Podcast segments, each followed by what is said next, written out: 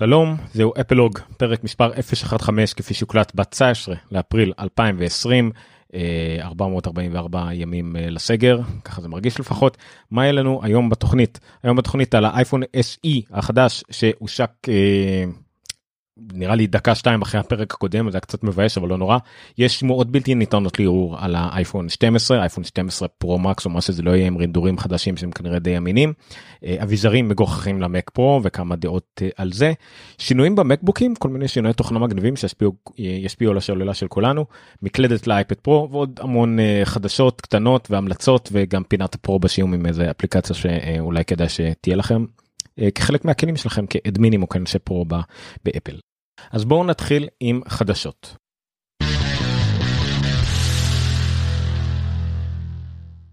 אוקיי אז הדבר הכי גדול בחדשות של אפל שקרה בזמן האחרון היה האייפון SE. אייפון SE חדש אתם יכולים אה, לראות אותו ממש פה. סתם לא באמת זה האייפון SE הישן אה, שעדיין מחזיק מעמד הוא כן הוא ורוד אין מה לעשות זה מה שהיה במלאי. אז אייפון SE החדש הוא הממשיך הרעיוני של האייפון SE הקודם זה לא מפתיע. בואו נדבר כמה דברים עליו אוקיי אז כן השם נשאר אותו דבר מהדגם המוזל הקודם של אפל הוא יצא לפני 4 שנים וחודש כן הדגם הזה אה, שמולי שמחזיק מעמד יופי בתור המכשיר אה, פודקאסטים שלי מכשיר אה, מוזיקה ורדיו לאוטו כדי שאני לא אצטרך להשתמש במכשיר הראשי שלי לזה הוא בדיוק בין 4 שנים וחודש ועכשיו יצא הממשיך שלו. הדעתי קודם כל נתחיל מהשוף הדעה שלי to the bullshit שזה יהיה מכשיר כנראה מהפופולריים אחד מהנמכרים ביותר של אפל אי פעם אה, לתקופה שלו זאת אומרת לחצי שנה הקרובה נגיד את זה ככה כמובן שתמיד מכשירי הדגל ימכרו יותר אבל הוא הופך הוא נראה לי שהולך להימכר טוב מאוד לפחות עד אה, עד ספטמבר. יש מספר חודשים עד הדגל הבא עד מכשיר הדגל הבא יש לו הרבה מה למכור בהרבה פחות מאלף דולר שעולה חדש להציע. המכשיר הזה יעלה 400 דולר. בוא נסכם כמה דברים עליו. אוקיי? העיצוב זהה מה אני מחזיק אותו כאילו זה זה. העיצוב כמו שאתם רואים על המשך זהה לאייפון 8. אוקיי? זה ממש מכשיר שהוא אה, המשך ישיר מבחינת העיצוב לאייפון 8 גם מבחינת המבנה שלו מבחינת המצלמה והכל. המשך גם כן 4.7 אינץ' המעבד שלו זה A13 ביוניק אותו מעבד שיש באייפון 11 פרו. המעבד הזה הוא מאפשר למעשה את כל היכולות שיש למכשירים החדשים כולל העריכה צילום הטעינה מהירה האוגמנטד ריאליטי כל הדברים שיש לאייפונים העיקריים שאני מדבר על ה-11 11 פרו ו-11 פרו מקס יש גם למכשיר הזה בגלל שיש לו את אותו מעבד את ה-A13 ביוניק. גם בצילום הוידאו אה, מגיע ל-4K ב-60 שניות אמרתי את זה גם אז אה, כשיצא לא זוכר אחד מהמכשירים המוזרים מדובר על מכשיר שמצלם 4K 60 פריים פר שקנד ב-400 דולר. זה אחד המצלמות 4K 60 פריים פר שקנד מהזולות שיש בשוק במיוחד מתחשבים בכל שאר דברים שאפשר לעשות איתו זאת אומרת לערוך על המכשיר לעלות על המכשיר זאת אומרת מכשיר לבלוגרים או וילוגרים. זה מכשיר מדהים. אז זה כבר מובנה בפנים. אה, עוד דבר חשוב יש לו אה, כפתור בית אוקיי? כפתור בית עם touch ID זה נוף זה חריג בנוף אוקיי? האייפון 8 אמנם היה לו את זה אבל האייפון 10R אייפון 11 כבר אייפון 10 אייפון 10s כבר לא היה להם את זה. עדיין יש לו אני תכף אדבר על למה הוא קיים ולמה אה, עדיין צריך להיות לו את הכפתור אה, אצבע הזה. יש לו עמידות במים IP67 זה חצי שעה במים זה פחות ממה שיש ל-11 שיש להם IP68 יש לו טעינה אלחוטית הוא יתמוך בטעינה אלחוטית. אה, הצבעים שהוא קיים בהם הם רק שחור לבן ואדום, אדום מרשים מאוד כמובן. המחיר כמו שאמרתי מתחיל מ-399 דולר ל-64 ג'יגה, כן, המכשיר הכי נמוך שלו 64 ג'יגה, זה עדיין המטרה זה לקבוע על איזשהו אה, נקודת מחיר זולה. אה, וגם עדיין נפח שהוא מספיק לדעתי אני עם 64 ג'יגה פה אמנם אני מפוצץ אותו בפודקאסטים שזה מה שגוזל את רוב המידה אבל אם הוא נגיד סתם מכשיר משני זה היה מספיק 64 ג'יגה אל תהיו אה, אה, אה, חמדנים זה בהחלט מספיק. לדעתי לפחות כאילו שוב בנקודת מחיר של 400 דולר אבל אם בכל זאת אתם רוצים יותר 128 ג'יגה יעלה רק 450 דולר רק 50 דולר בשביל כפול יחשון ו256 ג'יגה זה עוד 100 דולר 550 דולר זאת אומרת בין 400 דולר ל550 דולר לקבל משהו שהוא שווה ערך לאייפון 8 בעיצוב שלו אבל אייפון 11 ביכולות שלו מבחינת המעבד יעלה 550 דולר. האייפון 8 וה-8 פלוס לא יימכרו יותר, לאייפון SE כרגע אין דגם פלוס, אין דגם גדול, אז זה רק האייפון SE.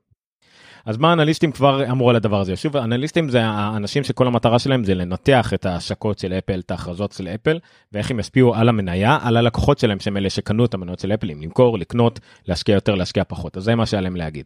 אז זה קודם כל סימן טוב שאפל מוציאה את המכשיר הזה עכשיו. המכשיר הזה בכוונה שהוא היא סומכת על פס הייצור שלה אבל יכולות הייצור שלה כן זה מכשיר שהולך להימכר הרבה. האייפון אישי SE הקודם טים קוק גם עליו אמר עליו שזה יפתיע אותו כמה המכשיר הזה היה פופולרי הם לא ציפו שהוא יהיה עד כדי כך פופולרי. אה, ולא היו מוכנים לזה בגלל זה היה גם דיליי המון במשלוחים שלו בזמנו לפני ארבע שנים אז המכשיר הזה הם כבר יודעים שהולך להימכר אה, שוק של אה, כמו לחמניות חמות אז זה אומר שהם סומכים על פס הייצור ובמצב הזה שאנחנו כל העולם בקורונה אני חושב שזה חשוב מאוד. עוד דבר טוב בו גם כן שקשור לקורונה שזה מכשיר מוגזל הוא יתאים מאוד לכלכלה בה אנשים אה, מרגישים לחוצים בכסף אוקיי מכשיר אה, כמעט ביכולות של מכשיר דגל מבחינת המעבד שלו ב-400 דולר זה מרשים מאוד. אבל הדבר הכי מרשים בו מבחינת היכולות שלו של 400 ב-400 דולר זה אורך החיים שלו. מדובר במכשיר עם המעבד כמעט הכי חזק בשוק אולי הוא עדיין הכי חזק בשוק תלוי איך מודדים בזה A13 ביוניק עם מצלמה מעולה סך הכל עם חיי שוללה מעולים עם עמידות במים עם האחריות והשירות של אפל שהולך להחזיק מעמד לכם חמש שנים. אוקיי, הולך לקבל עדכוני תוכנה לחמש שנים הקרובות. המכשיר שלי עדיין על מסלול בטא, המכשיר מלפני ארבע שנים, SE, שיש לו יכולות של 6S בסך הכל, עדיין מחזיק מעמד. זאת אומרת שזה לא לזלזל בזה, אמנם יש מכשירי אנדרואיד מעולים בסדר גודל של בין 300 ל-500 דולר, אין ספק. האם הם יקבלו את העדכונים האחרונים מגוגל עוד 3, 4, 5 שנים? אני בספק. אלא אם כן קניתם פיקסל יד שנייה ואז נכון וגם אז אני חושב שזה ארבע שנים כי כבר קניתם מכשיר בן שנה אני לא כל כך בטוח בזה שלחו לי אנדרואיד זה לא העולם שלי אבל מכל מה שאני מבין בו. זה מכשיר שהוא בונקר לארבע חמש שנים הקרובות ב-400 דולר. זה מדהים. אוקיי אז כן אז יש אנשים בהחלט שבשל המצב הכלכלי הכללי או שלהם או הצורך שלהם במכשיר זה יספיק להם. אה, זה יעזור גם לאפל בסין ובהודו מול גל חדש של טלפונים אה, בתחום הביניים כן 5G אה, די גודל בסין קצת פחות בהודו ויש הרבה מכשירים מהתחום ביניים הזה במקומות כמו הודו למשל מכשירים בתחום הביניים נחשבים שם קצת יותר עילית אז אפל תמיד מנסה להיכנס בהודו שם במכשירים זולים. זה אחד המקומות היחידים בעולם שמכרו אה, גם מכשירים לפני הרבה יותר ישנים של אפל. אז האייפון SE יכול להיכנס שם במין מכשיר עילית בסך הכל עם היכולות הכי גדולות ויחזיק הרבה זמן בממ"ד והוא עדיין יספיק שם לכיס של רוב האנשים שיכולים לעשות לעצמם אייפון. גם בסין כמובן. אה, סין יש כל מיני נתונים כלכליים לגבי מה המצב כרגע. נכון כל השוק בסין ירד אבל זה נראה שאפל נפגעה הכי פחות כרגע משין לפחות מכל החברות המערביות אז זה סימן טוב והאייפון הזה רק יחזק אותם שם שוב דגם אדום ועדיין זה עדיין יכול להרשים אה, את הסינים. אה, זאת לא סתם גחמה זאת אומרת חשבו על האייפון SE הקודם שזה אוקיי רצו עדיין להשאיר איזה מכשיר אייפון 4 אינץ' קטן לאנשים שרוצים אולי משהו קטן אבל זה כבר אומר שזה לא גחמה אפל הלכו פה בכל הכוח על מכשיר מאוד מאוד חזק עשו אה, לו שוק של קמפיין יש לו הכל זה לא גחמה אה, זה, מחר, זה מכשיר עם מטרה מאוד ברורה במחיר מאוד מסוים אה, ולפחות עד ספטמבר המטרה הנושבת של המכשיר זה למשוך משתמשי אנדרואיד. יש פה מין איזה מצב סמסונג הציע את המכשיר דגל שלה וואן פלאס הציע את המכשיר דגל שלה שניהם די יקרים לפחות יותר מהאייפון SE ואפל פתאום נכנסת בזמן הזה שבדרך כלל אין לה מכשירים אין לה מכשירים במרץ אפריל אה, בדרך כלל שחברות אחרות מוציאות מכשירים היא פתאום נכנסה ואנשים שרוצים לשדרג יש להם עוד משהו לחשוב עליו האם לעבור ל-iOS האם לעבור לאייפון ועם מכשיר ב-400 דולר זה בהחלט טיעון שצריך לשים על השולחן. אה, מי שכתב פוסט מאוד מאוד ארוך זה ג'ון גרובר ג'ון גרובר אה, פירט הרבה מאוד דברים לגבי האייפון הזה הכותרת זה quadrennial quadrennial quadrennial iPhone SE schedule אייפון שמגיע כל ארבע שנים כמו שנה מעוברת כמו בחירות בארצות הברית לא בארץ וכדומה. אז מה היה לו להגיד על האייפון היה לו הרבה דברים להגיד אני אנסה לתמצת את זה כמה שיותר. אז ככה, ג'ון גרובר אמר? הוא קודם כל מבטל את המחשבות המוטות שהאייפון SE היה אמור להיות חד פעמי ו-4 אינץ' קטן כמו הקודם, אה, וגם את המחשבה שמכשיר כזה משמל את הביטול של, הצ... כאילו, נחלק את זה לשניים. אלף כל זה לא חד פעמי, זאת אומרת חשבו שהאייפון SE ההוא היה חד פעמי 4 אינץ', אולי שווה רק לשדרג אותו קצת כדי להמשיך אותו בעליין הפנים, מי שרוצה ממש קטן, לא. הוא מבטל את המחשבה הזאת, לאייפון SE יש מטרה מסוימת, יש לו אה, קו יש לו מקום מסוים בליין מוצרים של אפל. כן נדיר פעם בארבע שנים נדבר על זה אבל הוא עומד בפני עצמו הוא לא אמור להיות איזושהי גחמה חד פעמית כמו שאמרתי. המחשבה השנייה היא שהמכשיר הזה איכשהו מבטל את הצורה החדשה של האייפונים את מהאייפון 10 ומעלה. לא זה לא המשמעות שלו. יש את האייפונים המודרניים עם ה Face ID עם הליין של ה-10 שאפל ציינה שזה הדור הבא של המכשירים הסלולריים ואת האייפון SE שאמור להיות הקשר לעבר כנראה האחרון מסוגו אבל עדיין הוא קשר לעבר אין שום קשר זה צריך להתייחס אליו כמוצר אחר לחלוטין. האייפון SE הוא גם היחידי אה, שאפל או יותר נכון פילשלר אמרו במפורש מה משמעות האותיות SE special edition כן אני יודע שה-3GS יצא אמרו שזה S stand for speed וברוב 4S S is for Siri אבל הם לא אמרו את זה זה זה הם אמרו כן בשבילנו אפשר להגיד שזה משמ... היה פה איזושהי התחמקות אבל פה פיל שילר ציין במפורש שיש איזה special edition בין היתר כי לאפל יש איזשהו קשר רומנטי למקינטוש SE מקינטוש special edition זה גם מאוד דומה לאייפון SE זה היה המקינטוש SE היה אותו מקינטוש המקורי הישן אבל עם בפנוך אור חדש ומודרני אז זה גם ההשוואה בין האייפון SE למקינטוש SE. האייפון הזה גם מן הסתם הוא מחוץ למספור הרגיל. יש לנו מספור אה, ליניארי מאוד ברור החל מהאייפון 4 אה, כי ה-3 היה 3G אוקיי? 4 4s 5 6 7 8 קפצנו ל-10 אבל אז יש לנו 10s ואז 11 כנראה לנו 12 או 11s אני לא יודע איך יקראו לזה. אה, אבל האייפון SE בלי מספור וגם כשיצא אייפון SE חדש אין לו SES או SE2 זה עוד פעם אייפון SE זה פשוט כשיש 4 שנים פרש כנראה לא צריך לקרוא לזה ליניארית אלא פשוט אייפון SE עומד בפני עצמו זה, זה האיכות של השם. הוא מפרט את הדמיון בין האייפון SE לקודם ויש בו אה, מגבלות אה, דברים מקבילים באופן מאוד מאוד ברור. שניהם מגיעים בדיוק באמצע מחזור האייפונים הרגיל כמו שאמרנו מרץ אפריל בדיוק בין הספטמברים. אה, כנראה זה אפריל בגלל שהיה איזשהו עיכוב בגלל הקורונה והכל הוא כנראה כן היה צריך לצאת במרץ שמענו על זה עוד במרץ כולם ציפו לזה אז. אה, שנתיים וחצי בדיוק אחרי הדגם אה, המקביל שהוא מחליף אוקיי זה מגיע אחרי האייפון 8 האייפון 10 יגיע אחרי ה-6s בדיוק שנתיים וחצי אחרי שהם יצאו אה, אבל מעבד של הדגם דגל הראשי כמו שאמרנו כולל מצלמות חד, חדישות זה ממש המכשיר האחרון אבל באריזה ישנה. הם לא מציגים שום דבר שלא ראינו קודם זה עיצוב שראינו צבעים שראינו כל הטכנולוגיות בפנים ראינו אז שוב אין פה שום דבר חדש אבל זה כל המטרה שלו. הוא משווה בין המחירים, ג'ון גרובר, משווה בין המחירים, מגיע גם למסקנה ברורה. זה המכשיר הכי משתלם של אפל כרגע. כולל ה-10R אה, שעדיין נמכר ונמכר ב-200 דולר יותר, ה-10R נמכר ב-600 דולר כרגע אה, ואין לו יתרון מלבד גודל המשך, ה-10R משמעותית יותר גדול ושהמצלמה הקדמית שלו כוללת גם ג'וי פנים שזה גם כמובן אה, יתרון. אבל יש לו הרבה חסרונות. המעבד שלו של ה-10R יותר ישן, מה שאומר שהוא לא מאפשר צילומי פורטרט. למרות שהמצלמה זהה בין ה-10R אייפון SE הוא לא יכול לצלם בפורטרט כי אין לו את ה-A13 יש לו רק A12 אה, ועוד חישרון שיש לו אין לו כפתור בית. כן זה מצחיק אבל יש קהל יעד מאוד מאוד גדול שחישרון בכפתור יד זה מגרעה זה חישרון ושינוי ממשק מבלבלים אותם. אה, אני בטוח כן אומרים שזה תמיד מבוגרים וכדומה. בוא לא, לא חייבים לצחוק על זקנים. יש אנשים שפשוט רוצים להישאר עם הטביעת אצבע ועם הממשק שלא צריך לעשות סלייד מכל מקום אלא פשוט לוחצים על כפתור בית. זה דבר שאסור לזלזל בחשיבות שלו. הכפתור בית ההום בטן זה המצאות מהגדולות ביותר שהיו לאפל שפישטו את כל העניין ובהחלט שווה את זה. אה, זה ישתנה כמובן בספטמבר אוקטובר. האייפון 10R כנראה יצא מהליינאפ. האייפון 11 הופך להיות למחיר כנראה של האייפון 10R ואז אנחנו נסתכל על האייפון SE מול האייפון 11. 400 דולר מול 600 דולר. כשאייפון 11 יהיה כנראה 128 גיגה בסיסית ואייפון אישי זה כבר יותר שווה. ואז זה המצב שבו העקומה של האייפון אישי תרד אצל המכירות שלו והוא יתמצב לאנשים אה, אנשים שהתלוו מלקבל את הכי חדש בזול זה יישאר באנשים שהתלוו לקבל את האריזה הישנה כן יותר זול למרות שיש כבר יהיה אייפון עם איזה A14 עם 5G או מה שזה לא יהיה אבל כשהם באו להשוות את הזולים מול 400 ל-600 דולר של אייפון 11 יהיה להם אה, הם יצטרכו לבחור אבל יהיה להם בחירה מאוד מאוד יפה מאשר להסתפק בדגם של שנים שעברות שהם ירושה משנים שעברות כמו האייפון 8 והאייפון 10R. עכשיו אם הירידת מחיר שתהיה מדי פעם לא והמכשיר הזה עד היום מאוד מאוד פופולרי בשוק יד שנייה אפשר לקנות אותו כבר עדיין היום מין רפרביסט כזה ב-100-150 דולר את האייפון אישי הישן אני מדבר.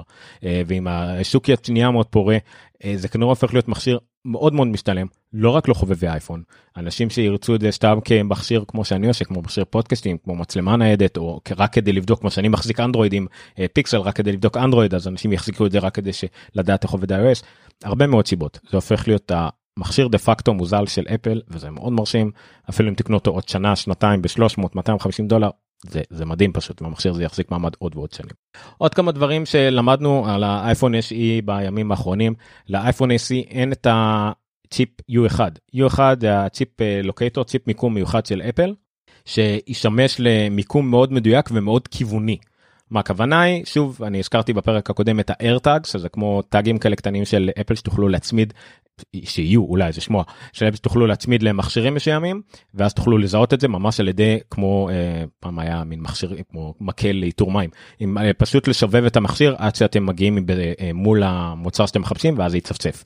אה, אז לאייפון יש אין את ה-U1 הזה הוא לא יוכל לזהות בצורה פרורה כזאת את כל ה... אה, לא, את AirTags וכאלה, כנראה זה עדיין יתמך, אבל כנראה לא בצורה מושלמת. כנראה סוג של או, קיצ... או קיצוץ בעלויות או שהלוח M אין עליו את הצ'יפ הזה, אני לא יודע בדיוק מה הסיבה הטכנית, אבל שורה תחתונה אין עליו את הצ'יפ U1 הזה.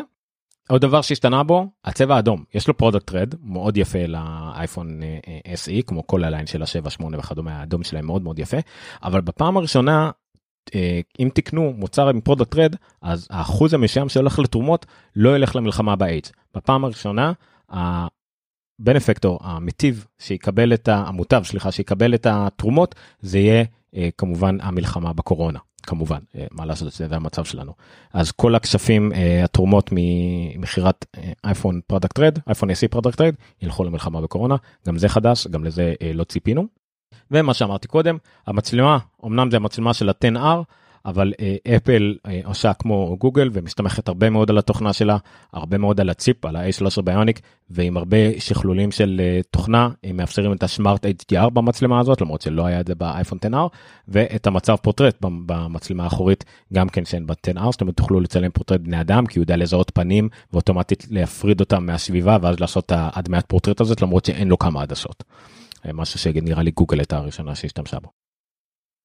אז זה עוד כמה דברים שלמדנו על האייפון SE. אז לפני שאני אמשיך לאייטם הבא אני אענה פה על, הש... על השאלות למה הוא קם הרי יש את הפרו יש את ה-11 המוזל וכל זה אז לא אז למה הוא קיים הוא קיים אה, בדיוק בגלל שהוא לא הפרו והוא גם ה-11 המוזל לו מדובר שוב על 400 דולר. אפל רוצה מין בונקר של מכשיר זול שיכול להחזיק לה 4 שנים אה, כמו האייפוד טאצ' שהם חייבים לשדרג אותו מדי פעם כדי שלא את הצ'יפים האחרונים או מה שזה לא יהיה. אז זה המכשיר שכל אחד יכול להיות בטוח שהולך לקנות אייפון שיחזיק לו 5 שנים והוא לא רוצה להוציא יד ורגל על המוצר אוקיי. אז כן יש אלף דולר יש 700 יש 600 דולר המכשיר הכי זול שהוא לא אייפון SE אבל זה פשוט הרבה יותר חזק מהם הרבה יותר משתלם מהם. וגם כמו שציינתי הצורה שלו. אמנם מסך יותר קטן אמנם יש לו מין מצח וסנטר אה, ואין לו את ה Face ID אבל יש לו כפתור בית שזה מאוד חשוב לאנשים. יש לו את הממשק היותר אה, נוח לרוב האנשים אה, לא לרוב האנשים לאנשים מסוימים אז הממשק הממשק הזה הוא deal breaker מבחינתם. אז יש לו מקום.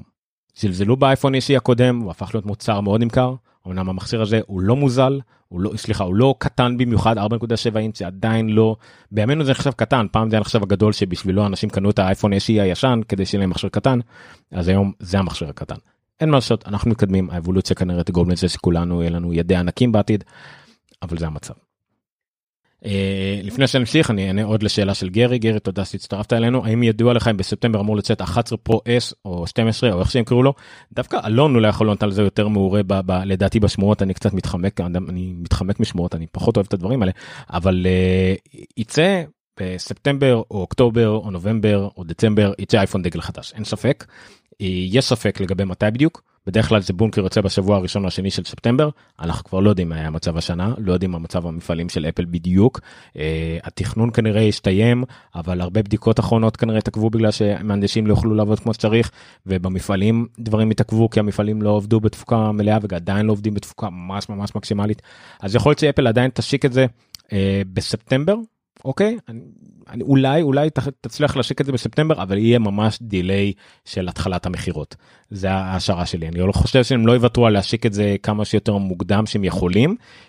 הם יגידו שזה מגיע רק שבועיים או שלוש אחר כך ואז אולי יהיה בעוד מלאי. קשה לדעת. הם צריכים יש להם כמה דברים שאתם צריכים להספיק הם צריכים להספיק לרבעון שמאוד חשוב אחרת תהיה להם נפילה מאוד רצינית בדוחות של אה, אה, שנה אחרי שנה. יש הרבה דברים שיכולים להוביל לזה אני לא יודע מה יקרה בסוף אני יודע רק בקיץ שזה מוטיב שאני אחזור עליו כנראה רק בקיץ נדע יותר טוב אבל יצא אייפון חדש אין שום ספק בעולם בזה זה בטוח.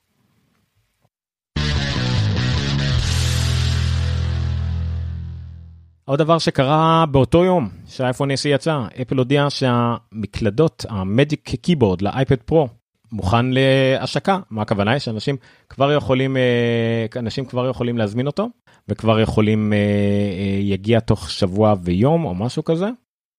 אני לא יודע בדיוק תוך כמה זמן זה הגיע, אבל השקה הייתה די מהירה והמשלוח די הגיע, לפחות לאנשים הראשונים. אתם ברקע רואים סרטון של user בשם Mr. Exit Strategy. לא יודע אם השם הזה הוא דווקא עכשיו בגלל התקופה הזאת או משהו שהמציא. שהוא קיבל את האייפון די את המקלדת די מוקדם והוציא סדרת סרטונים אז נראה אותם ברקע הוא יעשה עם הידיים ואני אדבר כזה כמו.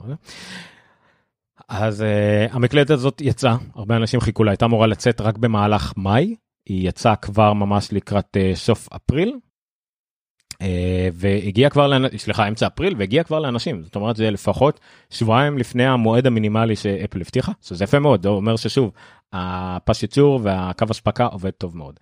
אז מה אנחנו יודעים על המקלדת הזאת אה, שלא ידענו קודם אפילו לא ידענו את המשקל שלה.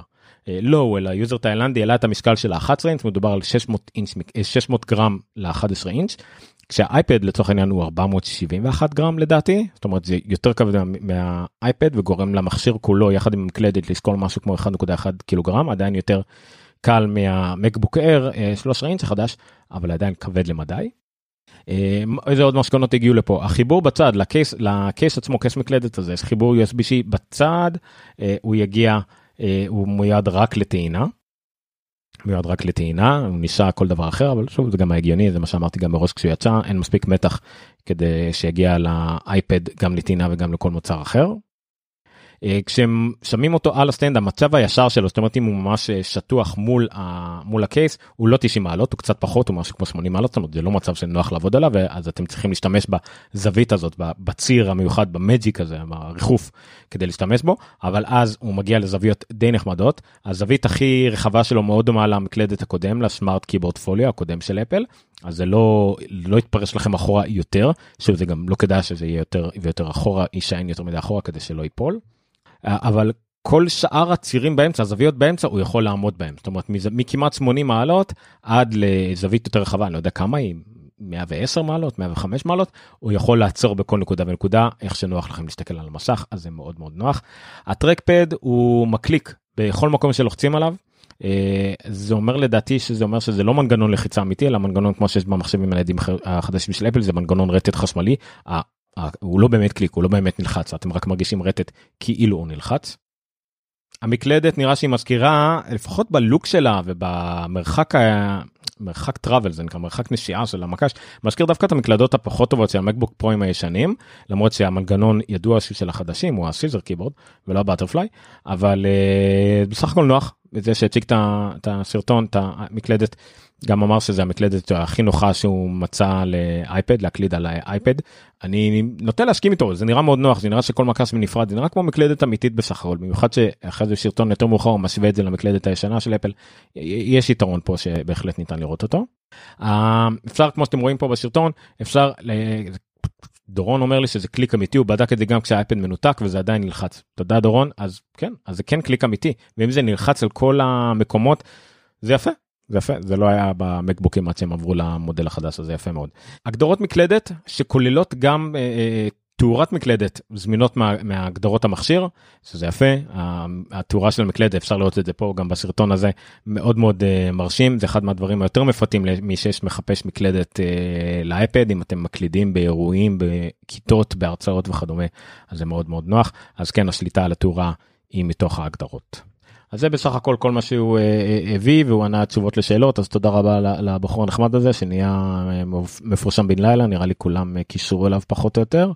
אין לו הרבה מנויים אבל זה סחטיין בסך הכל לקבל להוציא סרטונים כאלה די מושקעים ולקבל על זה את התהילה יחסית. עכשיו זה לא המקלדת האחרונה שהושקעה על האייפדים המקלדת הבאה היא בכלל של לוג'יטק אוקיי Apple Insider הוציאו uh, סקירה עליו לוג'יטק הציגו uh, מקלדת שמאוד דומה למקלדת הזאת של אפל בלי אבל כל הקסם זה לא משהו שמרחף באוויר אתם רואים יש לה kickstand מאחורה אז אתם צריכים יותר מקום כדי שהיא תחזיק מעמד זה לא משהו שאפשר לשים על הברכיים אלא רק על שולחן והיא לא מתאימה לאייפד פרו החדש אלא רק לאייפד Air 3 ולאייפד פרו 10 וחצי אינץ' שוב כי עם אותו גודל מתכלס אותה צורה נראה לי שזה יותר מתאים לשוק הסטודנטים או לאנשים שלא הולכים להוציא אה, גם 800 דולר על מכשיר וגם 300 או 350 דולר על המקלדת של אפל אז מדובר פה במקלדת הרבה יותר סימפטית במחיר שלה ומתאימה למכשירים שהם הרבה יותר סימפטיים במחיר שלהם. אז זה עוד מקלדת שיצאה, המקלדת של לוג'יטק.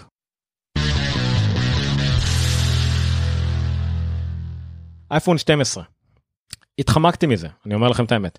די התחמקתי מ... אה, די התחמקתי מלדבר על זה כי אני לא אוהב שמועות אני לא כל כך אוהב אה, רינדורים וקאדים וכל מיני דברים כאלה שיצאו.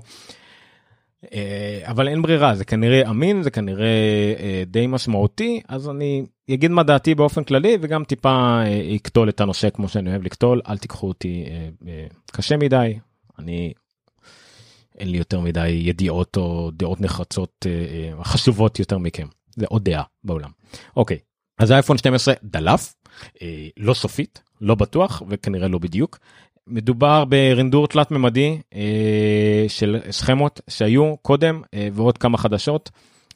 אה, אז היה אנשים לקחו כנראה סכמות משמות עשו רנדר קאד ששולחים אותו ליצרני קייסים אה, וגם לקחו אה, שמועות אחרים אחרות שהיו עם הזמן שלא קשורות לקאד הזה. קאד זה קומפיוטר אנימטד דיזיין זאת אומרת עיצוב רינדור תלת ממדי של מוצר.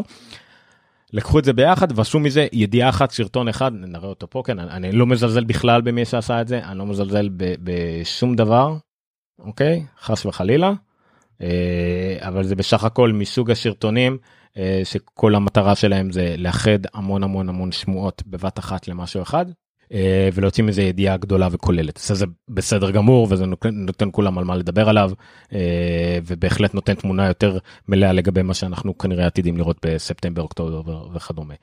אה, אז כן מדובר על סכמות שהגיעו מ... יצרני בשביל שנשלחו ליצרני כיסויים. מה זה אומר? case makers צריכים לדעת איך ייראה האייפון הבא כדי להתחיל לייצר לתכנן בשבילו קייסים באופן היסטורי זה לא תמיד היה יותר מדי מדויק תמיד הקייסים הראשונים שיצאו מכל מקומות בסין תמיד עלו מדויקים באיזושהי צורה אבל עדיין זה משהו שקיים. אה, החל עם זה דליפות פשוט של אה, משלמים הרבה מאוד לזה פועל מפעל כדי שיוציא להם את העיצוב הזה אה, או שזה לפעמים כשזה יותר קרוב כמובן למועד השחרור האמיתי של האייפון זה חצי מכוון כזה. זה במיוחד עם אייפונים שהם לא משתנים יותר מדי בעיצוב אבל עדיין היצרנים צריכים לדעת שאיזה כפתור השתנה טיפה.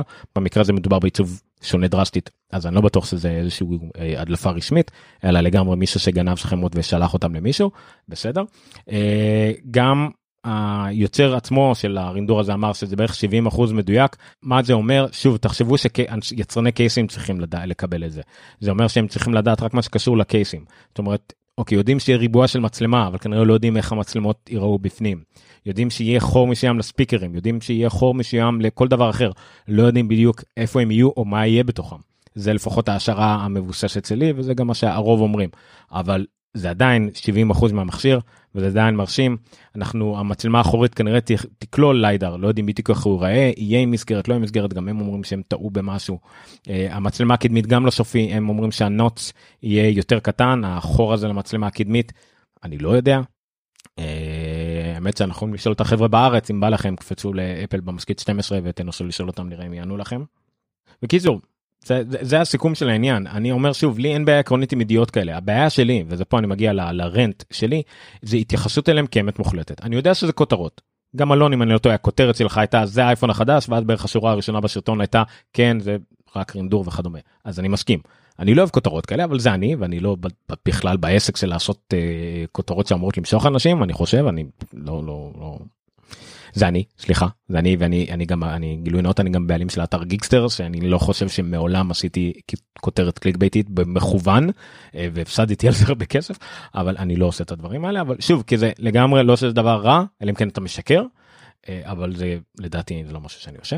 אז זה לא אמת מוחלטת זה לא האייפון פרו החדש נחשף לחלוטין כולו וכדומה זה בהחלט משהו מאוד קרוב זה דבר מאוד מאוד כיף לדבר עליו. אנחנו נגיע וזה כנראה מה שיהיה. זה לא אייפון 4 אייפון 4 כמעט בשלמותו נשכח בפאב בקופרטינו או בסן פרנסיסקו מה שזה לא יהיה. אוקיי? זה לא זה. אה, גם אני קיבל, קיבלתי הדלפות מדי פעם וגם לי אף אחד לא האמין בסופו של דבר למרות שאני הייתי בטוח 100% בדברים כי אפשר לדעת עד שזה לא יוצא אי אפשר לדעת. אני אני יותר פיוריסט בקטע של במיוחד כי אני חובב אפל. כשאפל תוציא אני רוצה להיות מופתע. אני לא יודע אם אם אני רוצה עכשיו לחפור על הכל זה גם הורס את ההפתעה אה, גם לא פייר סוג של למה שאפל מנסה לעשות פעם זה הרבה יותר קל אפל הייתה חברה הרבה יותר קטנה. אבל זה המצב אני מבין את זה אני פעם הייתי הרבה יותר אנטי עכשיו אני פחות אנטי אני רק מפרשם ידיעות כאלה בהרבה איחור הרבה כולם אה, ואומר שזה לא מעניין אותי ומתלונן לכל האנשים על כל כותרות שלהם אבל באמת כל אחד מה שהוא רוצה. אבל בוא נדבר על התכלס בוא נדבר על בוא נצא מנקודת הנחה שבהחלט ככה העיצוב יהיה מה זה אומר. אה, העיצוב אומר שהוא יהיה אה, מאוד דומה לאייפד פרו. הרבה אנשים אומרים אה, העיצוב של האייפון 5 חזר לא זה נראה לי העיצוב של האייפד פרו יורד לאייפונים. האייפון 5 היה מזמן היו כמה דורות מאז אי אפשר להגיד שהוא חוזר אף אחד לא נראה לי שמר את השכמות של המפעל של איך מייצרים את זה. הם יצרו משהו חדש לגמרי שיהיה הרבה יותר דומה לאייפד פרו שאני מאוד אוהב העיצוב שלו מדהים לדעתי אייפד פרו 11 אינץ' זה אחד המכשירים הכי יפים והכי מושלמים של אפל אי פעם. אייפון לא יכול להיות כזה כי יש לו את ה notch הוא לא יהיה מושלם אה, מכל הצדדים נכון אבל אולי ה notch יהיה יותר קטן אני לא יודע אולי ה bezel יהיה יותר קטן אז אה, זה שגם האייפד יוכל לעמוד על הצד כביכול זה מאוד מגניב אני מאוד אוהב את זה אה, אני לא יודע לגבי ממש הקצוות כמה יהיו מעוגלות או חדות הקצוות הכוונה היה שוליים. אה, אז זה בהחלט מרשים. המצלמה אם יהיה בה ארבע מצלמות כן זה נראה הרבה יותר סימטרי עדיין קצת מגוחך אבל אין מה לעשות זה ככה מצלמות צריכות לראות. הקווים של האנטנות שמדברים עליהם אני לא יודע הכפתור מיוט אה, uh, גם אני לא חושב שיודעים בדיוק איך הוא רואה אם הוא רואה אם הוא רואה בדיוק כמו שיש עכשיו אני לא אוהב אותו אני לא אוהב את הכפתור הזה אני לא אוהב כפתור של לצד לצד אני הרבה יותר מעדיף כפתור של למעלה למטה. אבל אין מה לעשות אני צריכים להגיד תודה שבכלל יש כפתור כזה זה גם לא מובן מאליו באייפד אין. מה עוד יש להגיד עליו אם יש לכם משהו לשאול לגבי שקשור לעיצוב דעתי אם בכלל דעתי מעניינת אתכם אז בכיף. יותר מזה אין לי הרבה מה להגיד. זה מגניב זה מרשים זה אחלה חומר לשרטון אחלה חומר לכל האתרים בארץ שבקושי מתעניינים באפל אבל עושים את זה כי זה מביא להם פרסומות אה, קליקים אז סבבה. זה עובדה בשטח לא לדעתי. זה השערה מאוד מאוד מבוששת כן. במיוחד כי שכחתי את השם של המדליף הסדרתי החדש של אפל שצודק כמעט בכולם. גם הוא אמר זה לא 100% נכון אבל יש בזה מספיק סיבות אה, שזה יהיה נכון. אני מאמין לו בסך הכל. אני מאמין לכולם פה שזה מה שהם מאמינים שיקרה. שזה מה שהם קיבלו שיקרה זה מה שהם יודעים. אף אחד פה לא משקר. אבל אני לא חושב שכולם יודעים הכל. אני מעדיף לחכות לקיץ אוקיי יולי אוגוסט זה בערך הזמן שבו אין הדברים יוצאים או אפילו דולפים לחלוטין ואז אני כבר הרבה יותר מאמין אה, לכל הדלפה שיוצאת. מישהו כנראה באמת מישהו שמחזיק את המכשיר השן פיזית ביד אמר למישהו משהו אין לי ספק. אבל זה אתם יודעים מה? אולי אפילו ביוני אולי ב-WWDC כבר לאנשים שצריכים לדעת את זה בגלל התוכנה כבר ממש יש להם את זה ביד. אולי ביוני במינימום יולי אוגוסט יותר סביר. בואו תדברו איתי אז מה שנקרא. עד כאן אם יש שאלות לגבי האייפון 12 ודעתי עליו או משהו שאני למדתי עליו אבל אם אתם רוצים לדעת יותר עליו תלכו תראו את הסרטון של אה, אלון אלון גריני בפייסבוק או ביוטיוב הוא אה, כיסה את זה הרבה הרבה יותר טוב ממני אה, כמו הרבה פעמים.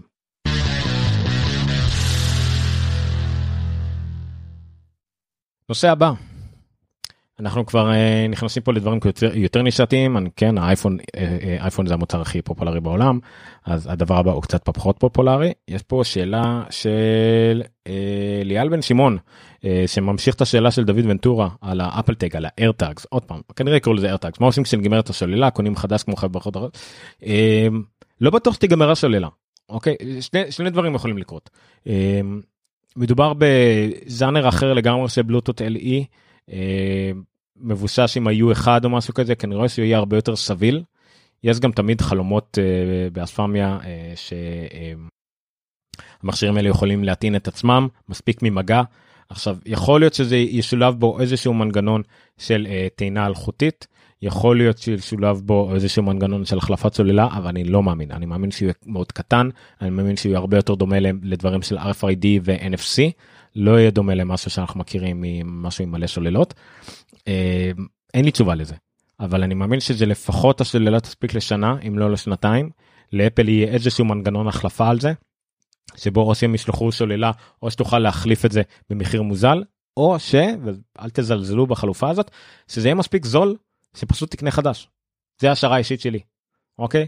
אפל היא הבעלים של הטכנולוגיה הזאת, הדבר הזה ידחוף אנשים לקנות מכשירים, אני לא חושב שהיא תרצה להרוויח מהארטאגס הזה יותר מדי, זה יהיה אחלה פיצ'ר לשים כדבר ליד המכשירים היקרים שלה, אני חושב שהוא יהיה נורא זול יחסית, ושפשוט תקנה חדש.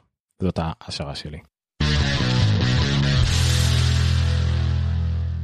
בואו נחזור לנושים על הפרק. אז הדבר הבא שיצא גם כן עם גל היציאות האלה של המקלדת של האייפון SE וכדומה, עוד דבר שיצא זה אפל התחילה למכור אה, בנפרד את הגלגלים למק פרו שלה, אה, ואת הרגליים למק פרו, אז תכף נדבר עליהם, וגם כרטיס המשך למק פרו. אז הגלגלים יעלו 700 דולר, הרגליים יעלו 300 דולר, אה, אז כן, עכשיו אני לא הבאתי את זה כי זה לא היה שם דברים יותר מעניינים אבל דברת הביאו כתבה שלמה על דברים עם ארבע גלגלים שעולים פחות מכמה שעולים הגלגלים של אפל. יש שם קשה חדשה, יש שם גלגלים של רכב מלא אפילו גלגלים טובים עולים פחות מ... 700 דולר אבל זה אפל וזה המוצרים שהיא מוכרת עכשיו זה מוצרים זה אה, אביזרים שנמכרים בנפרד אז הם קונים את המחשב אתם יכולים אתם יכולים לבחור עם גלגלים או עם רגליים. לא יכלתם uh, להחליף אחר כך. עכשיו כן אפשר. יכולים לקנות בנפרד. זה משמעותית יותר יקר מאשר אם הייתם מזמינים את זה מראש כמובן. אבל למה זה? אנשים מתלוננים על המחיר המגוחך הזה. uh, למה זה עולה כל כך יקר. אה, אני עכשיו הולך כמעט להקריא ורבייטם אה, אחד לאחד את מה שדורון כתב בעמוד של אפלוג אם אתם לא עוקבים אחריו דרך אגב תעקבו אחרי אה, העמוד של אפלוג יש שם את כל הידיעות של אפל אני מביא אני משתדל להביא 3-4 ביום לפעמים עם דעות יותר ארוכות ומחשבות לפעמים רק ידיעה מצחיקה. אבל זה מה שיש לנו בעמוד באפלוג וגם בטלגרם של אפלוג אז מה בוא נדבר על הגלגלים.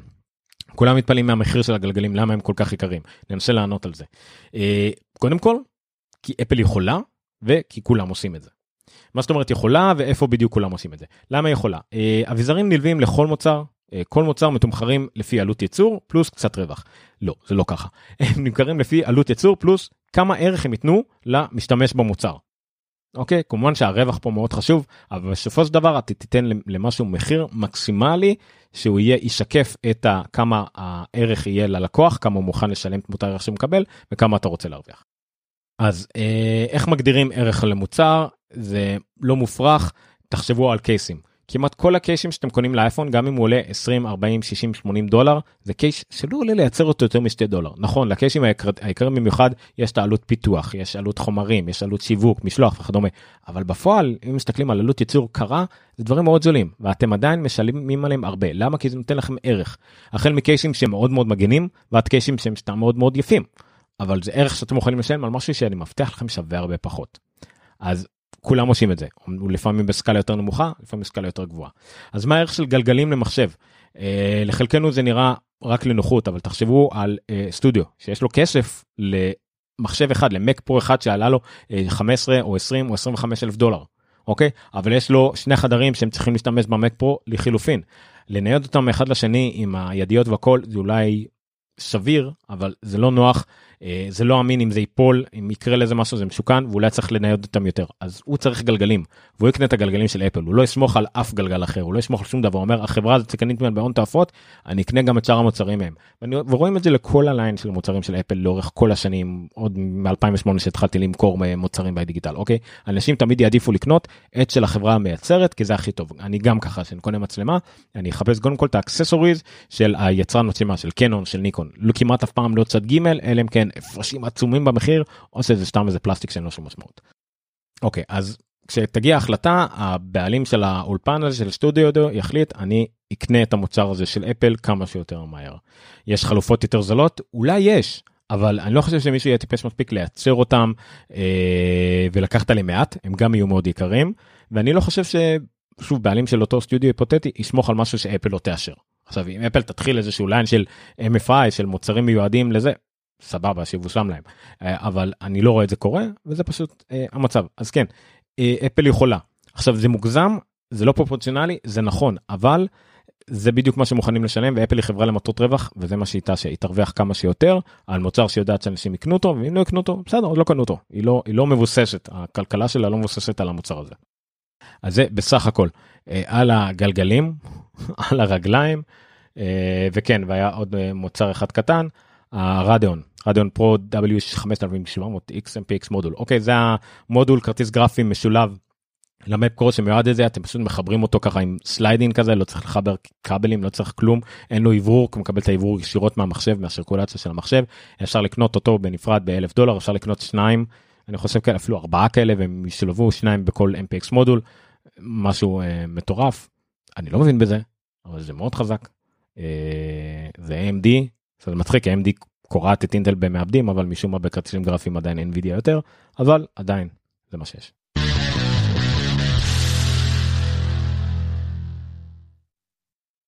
נושא הבא אה, הוא עוד דברים שלמדנו על הליידר, אוקיי? אוקיי, על הליידר, ליידר זה המצלמה חיישן החדשה שיש באייפד פרו החדש וכנראה יגיע גם לאותו אייפון 12 שדיברנו עליו מקודם. אז החברה, חברת הלייד שיש להם אפליקציית מצלמה מאוד מאוד מוצלחת, מאוד מאוד טובה על האייפד ולאייפון, אה, והכתב והכתב שלהם שם, אחד מהבעלים של החברה, שבסטיאן דוויט, כתב על אה, סקר את המצלמת ליידר לעומק כתבה מדהימה אני לא הבנתי ממנה הרבה אבל הוא קודם כל משווה בין המצלמות של האייפד פרו הקודם לאייפד פרו החדש יש פה כמה השוואות מאוד יפות אין הבדלים משמעותיים המצלמה הרחבה טיפה יותר רחבה יש גם השוואה 2008 אה, 2020 המצלמה רגילה למעשה אותה מצלמה כשמסתכלים על ה ultra wide זה אמור להיות דומה לאייפון 11 אבל גם לא לא לא ממש אה, זה מספיק אה, אבל יש עדיין במיוחד בהשוואה לאייפד הקודם אה, זה, זה עדיין לא מצלמה מספיק טובה בשביל כל מה שקשור לפורטרט למשל.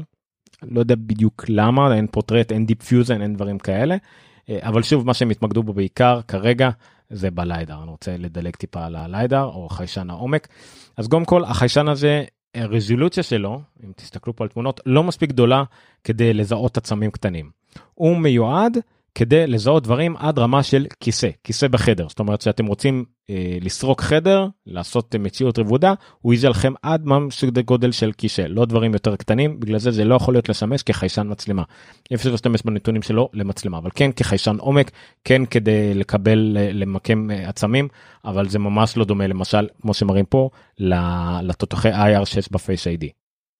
שוב מי שמקשיב לפודקאסט ממליץ מאוד להיכנס לכתבה הזאת מבין כל הדברים שדיברתי עליהם עכשיו חוץ מהאייפון 12 זה הדבר שהכי מצריך איזשהו אלמנט ויזואלי אז כל הלינקים אתם תמצאו ברשימות הפרק. אז אין, איך כן אפשר להשתמש בליידר? איך הם אה, עשו את זה? הם עשו סוג של אה, proof of concept הם סרקו איזשהו חדר הם השתמשו במצלמה הזאת אה, מה שקוראים לו אקספר אה, אוקיי אפשר לקנות את האפליקציה הזאת והיא תראה לכם אה, איך הליידר רואה את החדר. אתם יכולים לסרוק את הכל ואתם רואים מיד גריד על החדר. אחרי זה אתם יכולים להשתמש בזה כדי לעשות כל מיני אפקטים של לשנות uh, תאורה ו, uh, וצבעים של אלמנטים בחדר ואתם בעצם רואים או את הרזולוציה האמיתית ואתם רואים בעצם את ה... את העצמים בחדר בקור שלהם בליבה שלהם.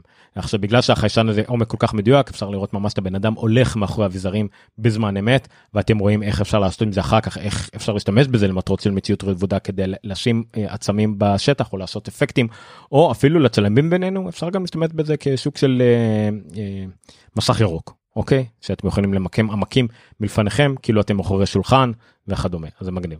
אז כן הם נתנו דוגמה של הכיסא כי כל מעצב צריך כיסא אז זה הכל. יש פה גם הרבה שאלות ותשובות ששווה אה, לקרוא אותם, הרבה אנשים שאלו בטוויטר, שווה לשאול אותם. אז זה לגבי הליידר באייפד פרו. ולהמשיך למשהו עוד יותר נישתי, מקים, כן, אנשים עדיין משתמשים במקים, תתפלאו.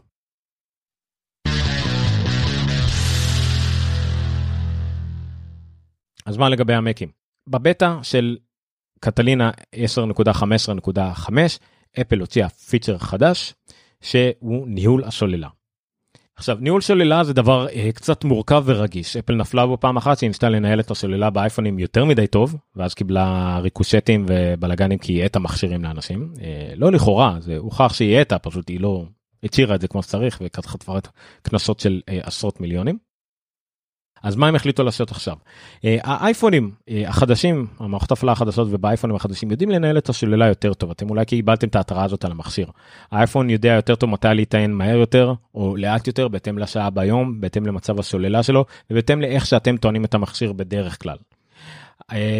סוג אה, של אינטליגנציה פנימית, סוג של בדיקות כימיות וגם מאוד חשוב של הטמפרטורה של השוללה. אם השוללה תתחמם יותר מדי, הטעינה קצב הטעינה תרד כדי להגן על השוללה וכדומה. אז הם הביאו את זה גם למקים. עכשיו למקים וגם דרך אגב לכל המכשירים כל השאלות הנונות של אפל בשנים האחרונות היה את אותו מנגנון הגנה מסוים זאת אומרת הוא יכל להיטען אולי מאוד מהר לסביבות ה-90 ומשהו אחוז אבל הוא היה נעצר ב-97-98 אחוז אנשים ממקים ראו אולי את ה-98 אחוז הזה תקוע למעלה למרות שאפל החליפה את זה וזה. היא מעגלת כלפי 100 כדי שתחשבו ככה. המטרה היא כדי לא להגיע ל-100%. שוללות כימיות, שוללות עם חומרים כימיים בפנים, לא בריא שהם יהיו טעונות מלא לאורך זמן. עכשיו 98% היה מספיק כדי לפחות לא להגיע לטינה מקסימלית ולהמשיך לקבל מתח מה שהוא לא בריא זה היה כזה איזשהו פשרה. מה שהם עשו עכשיו הם נהיו יותר קשוחים. החיישנים החדשים כל המכשירים אינטרנבורד 3 ומעלה יכולים למדוד את הטמפרטורה של הסוללה בדיוק ולהגיד למנגנון ניהול סוללה לניהול אה, בקרת מתח של המכשיר לטעון את הסוללה יותר או לטעון פחות וגם כן לזכור את הנתוני שימוש במחשב. אם אתם אנשים שמחוברים עם המחשב הרבה שעות ביום אה, לחשמל או שאתם אה, ניידים כל הזמן מחברים מוציאים מחברים מוציאים וכדומה. לפי השימוש הזה המכשיר ידע אם אתם אנשים שמשאירים את המכשיר טעון רוב הזמן או רוב היום אפילו אנשים משרדיים או אתם מגיעים למשרד ביום בבוקר שמים את המחשב 6-7 שעות מחובר לחשמל ומוצאים אותו בערב עובדים בבית על הברכיים ככה והם מתאינים שוב בלילה. אה, לכם כנראה יתאים שהשוללה תישאר על 80 אוקיי היא תישאר על 80 כל הזמן. אה, לא משהו שאתם יכולים לשלוט בו באותו רגע, אוקיי? אבל אתם יכולים תמיד ללכת להגדרות ולבטל בכלל את כל הניהול אה, מתח הזה של הסוללה, אבל זה משהו אחר. לכם זה יתאים. אני למשל, אני חושב למשל בשימוש שלי, כמעט תמיד זה יהיה המצב.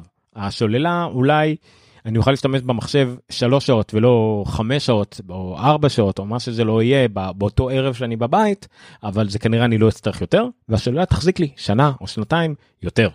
ממה שהיא החזיקה עד היום, שזה אורך חיים מאוד מאוד גדול ורק להגדיל אותו עוד יותר. אם בכל זאת אני יודע שלמשל אני עולה לטיסה אני הולך לפגישה מאוד חשובה אני יכול לבטל את האפשרות הזאת ואז השוללה תיטען עד 100%.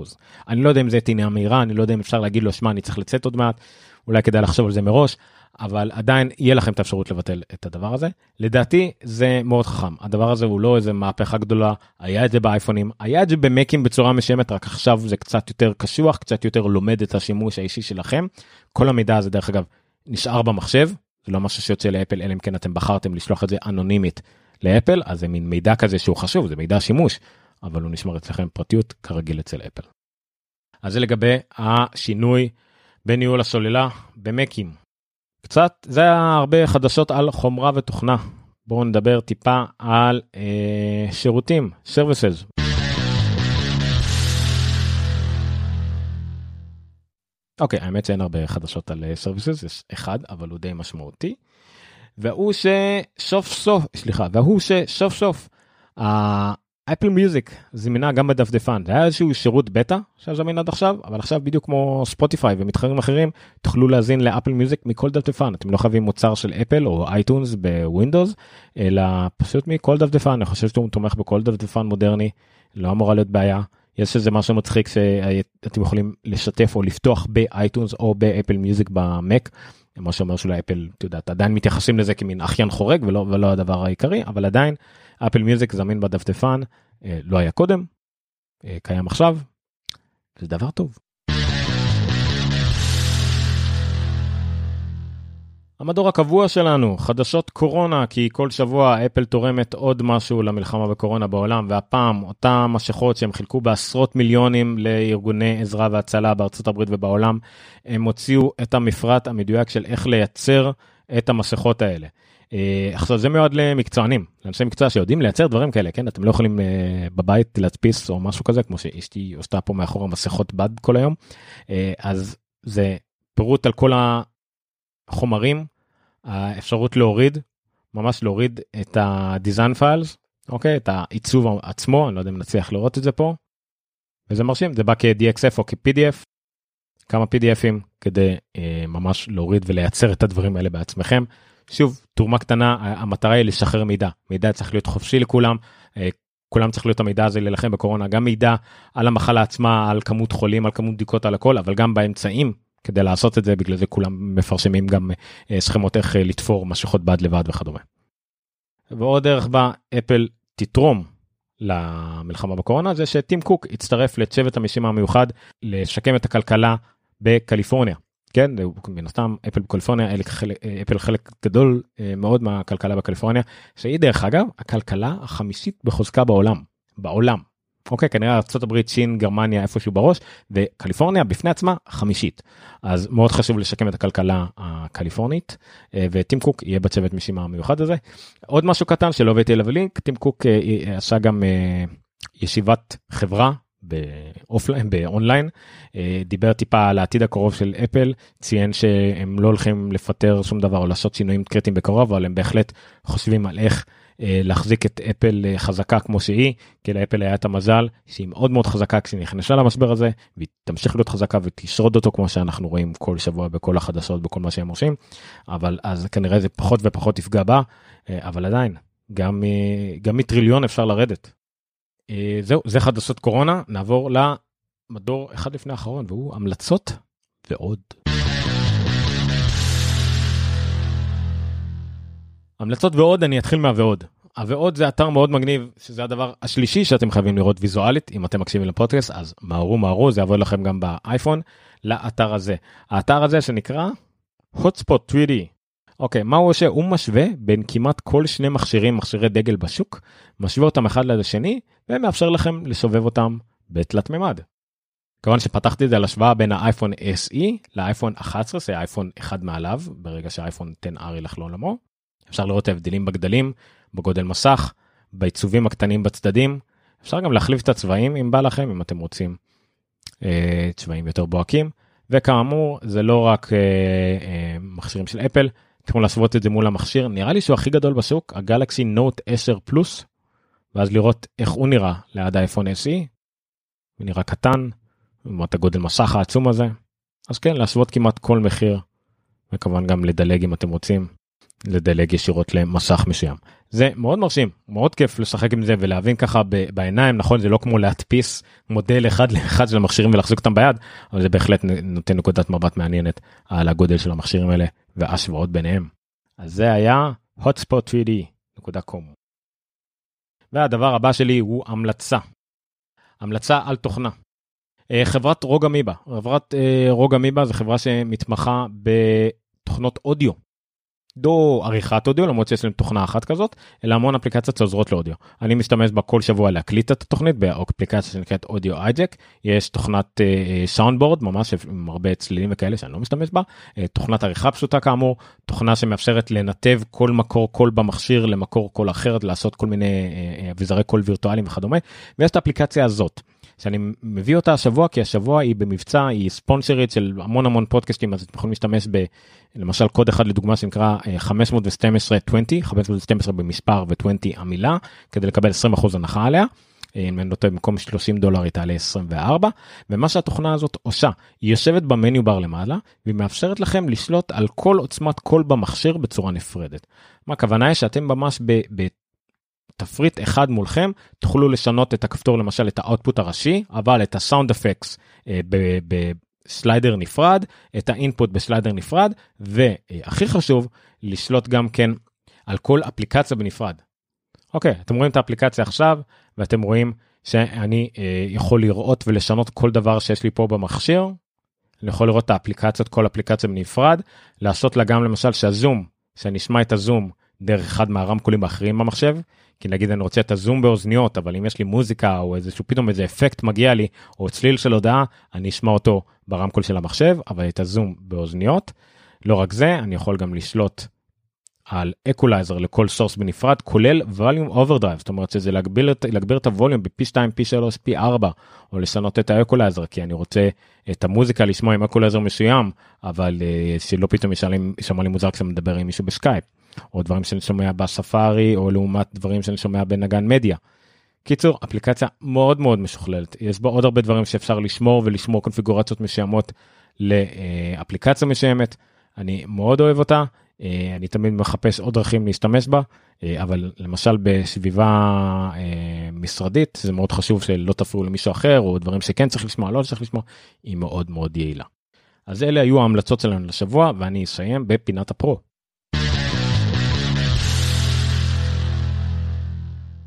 את פינת הפרו לצערי לא הכנתי מראש משום מה הלינק לא היה לי פתוח אז אני אסביר לכם על תוכנה קטנה שנקראת סטטוס בדי. אוקיי? סטטוס בדי נקודה אפ זה ה-URL אה, עשה אותה בכלל כתב של 925 Mac שהוא גם מפתח אה, אה, כן גי רמבו שהאמת הוא גם מדליף מאוד מאוד מפורשם בטוח שמעת את השם שלו הוא תמיד מדליף מדליף קודים ששוחררו מבטאות וכדומה אז אנחנו נשמע על iOS 14 בפוטרות כנראה ממנו מה Status Buddy עושה Status Buddy מאוד פשוט היא נותנת לכם חלון לתוך המס... האתר סטטוסים של אפל ישירות מה menu bar. לאפל יש אתר סטטוסים שבו אתם יכולים לראות אה, מה המצב של כל השירותים של אפל החל מ-APNS, Apple Push Notification Service, ה App Store, ה iTunes, ה iCloud. אם אתם מפתחים אז כמובן חשוב שה TestFlight וה Developer ID שלכם יעבוד. כל האתרים של אפל כל השירותים אונליין של אפל אה, משדרים סטטוס כזה כל הזמן ועם ה utility הקטן הזה אתם תמיד תוכלו לראות. אם השרת MDM שלכם נופל אז אתם תראו שבגלל שה-APNS פתאום הוא במצב לא אה, בעייתי. אם האפליקציות ששלחתם למשתמשים שלכם ב TestFlight לא עובדות תדעו את זה. אם משהו ב App Store Connect שאתם מנסים לעדכן גרסה לאפליקציה שלכם לענות לתגובות של אנשים ב App Store לא עובדת תדעו את זה. זה הרבה יותר נוח מאשר ללכת לאתר זה יכול לשלוח למטרות לשבת בניו בר יוטיליטי מאוד קטן. מאוד קטן מאוד חמוד הוא בעיקרון חינמי אבל חינם במובן שפשוט תתרמו תנו מחיר פה מאפס עד כמה שאתם רוצים וישלח לכם uh, לינק להורדה. אז זה הסטטוס באדי.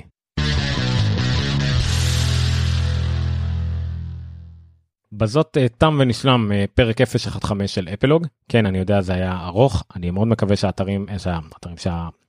הפרקים האלה יישארו פחות משעה אני מנסה להשתפר כל פעם. במקרה הזה גם היה לי כל מיני ניסויים טכניים חדשים שבהם התוכנית הזאת שודרה גם בפייסבוק גם ביוטיוב גם בטוויטר אני אחרי זה אסתכל על הסטטיסטיקות לראות אם זה הצליח לי. גם ב Twitch בי ב Twitch אין לי יש לי יוזר ב Twitch אין לי חברים אני לא גיימר לא יודע אבל שיהיה כמה שיותר לעולם וזה גם מה שאני מבקש מכם. אם אהבתם את השידור אם חיבבתם את השידור כזה בערך או סתם בא לכם אתם מסמפטים אותי תשתפו תשתפו את העמוד של אפלוג לחברים תזמינו חברים לעשות לייק לעמוד תשתפו פוסטים מתוך העמוד אני הרבה אנשים עושים לייקים ואוהבים את, את הפוסטים שלנו אז תשתפו אותם הלאה. החל ל timeline האישי שלכם או לקבוצות שאתם חושבים שזה רלוונטי. אם אתם בטלגרם תשתתפו אה, תצטרפו לטלגרם. אם אתם בטוויטר מעולה אם אתם לא אוהבים פייסבוק אז בטוויטר אני מנסה לעשות את אותם דברים. החשבון טוויטר של אפלוג עוקב אחרי המון אנשים שקשורים לאפל ואני עושה retweet לכל מיני דברים מעניינים בנוסף לפוסטים הראשיים שאני מעלה וכמובן התוכנית. התוכנית זמינה בכל אפליקציית פודקאסטים. תחפשו אפלוג בעברית אפלוג פודקאסט במחשבות על אפל אה, ואתם תמצאו את זה. כל הלינקים נמצאים גם כן באתר של אפלוג אפלוג.רפי.מדיה אה, אם אתם מקשיבים לזה באפל פודקאסט אז תנו חמש כוכבים זה מאוד עוזר. אנחנו כזה משתעשעים עם המקום הראשון במדור הטכנולוגיה של אפל פודקאסט שזה מאוד נחמד אני יודע שזה לא אומר הרבה כי זה תלוי בכמות הורדות חד פעמית שפתאום גדלה אבל עדיין כיף לי להיות מקום ראשון או שני שם בטכנולוגיה אז תדרגו חמישה כוכבים תירשמו לתוכנית בכל אפליקציה שאתם רוצים ואני מאוד מודה לכם על היחס אה, על ההקשבה ואני מקווה שלקחתם מזה כמו שאני אהבתי לתת אה, מזה עד כאן. אני הייתי עומר ניניו, חפשו אותי עומר ניניו בפייסבוק, בטוויטר, בכל רשת חברתית אה, ובקופת חולים הקרובה למקום אה, מגוריכם. לילה טוב.